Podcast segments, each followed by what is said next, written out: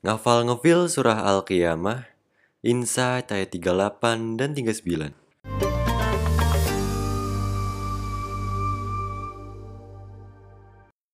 Di ayat sebelumnya, kita-kita yang sombongnya suka mirip kayak Abu Jahal, diingetin lagi bahwa dulunya hanyalah setetes air. Setetes air mani yang tumpah ke dalam rahim.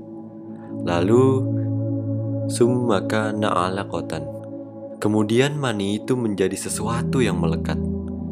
Kemudian setetes air itu berkembang menjadi alaqoh, segumpal daging yang menggantung atau menempel di dinding rahim agar bisa menyerap makanan.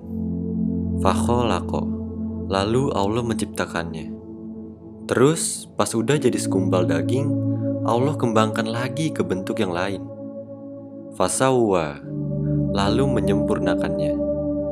Jadi, sawa itu artinya menyelaraskan, menyusun, merapikan, meratakan, atau menata.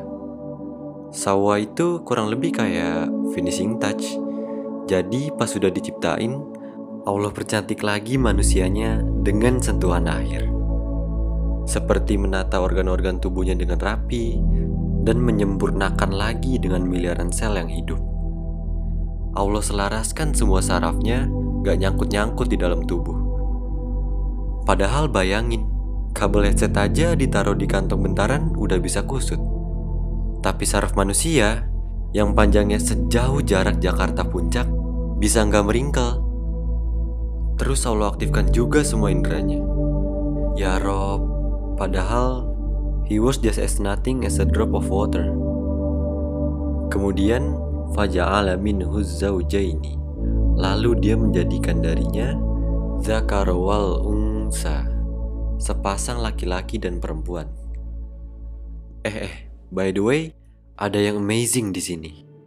Melalui ayat ini, Allah secara nggak langsung ngasih tahu kita bahwa yang nentuin jenis kelamin si anak itu laki-laki atau perempuan ialah air mani si ayah. Dari kata minhu, kata gantihu mengacu ke sperma. Jadi, Allah ngasih tahu bahwa sperma ayahlah yang nentuin apakah yang akan dilahirkan itu anak laki-laki atau perempuan. Really? Yes, ini bukan cocok logi. Karena emang dari dua ayat sebelumnya yaitu ayat 37 udah ngomongin sperma. Jadi, pembahasan dari ayat itu ke ayat ini terus berlanjut dan tentunya masih mengacu ke hal yang sama, yaitu sperma. Ini sih luar biasa. Mengingat banyak budaya lebih dari seribu tahun lalu dan bahkan ada yang sampai hari ini suka nyalahin si ibu kalau yang lahir anak perempuan. Terutama pas zaman jahiliyah, di mana muka orang-orang tuh langsung merah. Kesel banget kalau lahir anak perempuan. Mereka pikir itu pure salah perempuan. Padahal di sini Allah bilang sperma laki-lakilah yang bikin bayi itu berjenis kelamin perempuan atas izin Allah.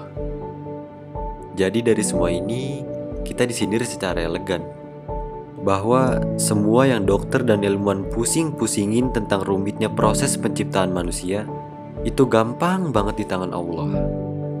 Jadi, bagian mana sih dari dari kita yang bisa disombongin? Sedangkan dari hulu ke hilir, kita selalu dibantu Allah. Kita aja nggak berkuasa atas proses penciptaan diri kita dulunya. Dan setelah dibawa flashback gini, Allah tutup surah ini dengan satu pertanyaan yang bikin siapa pun mikir. Berlanjut di ayat terakhir.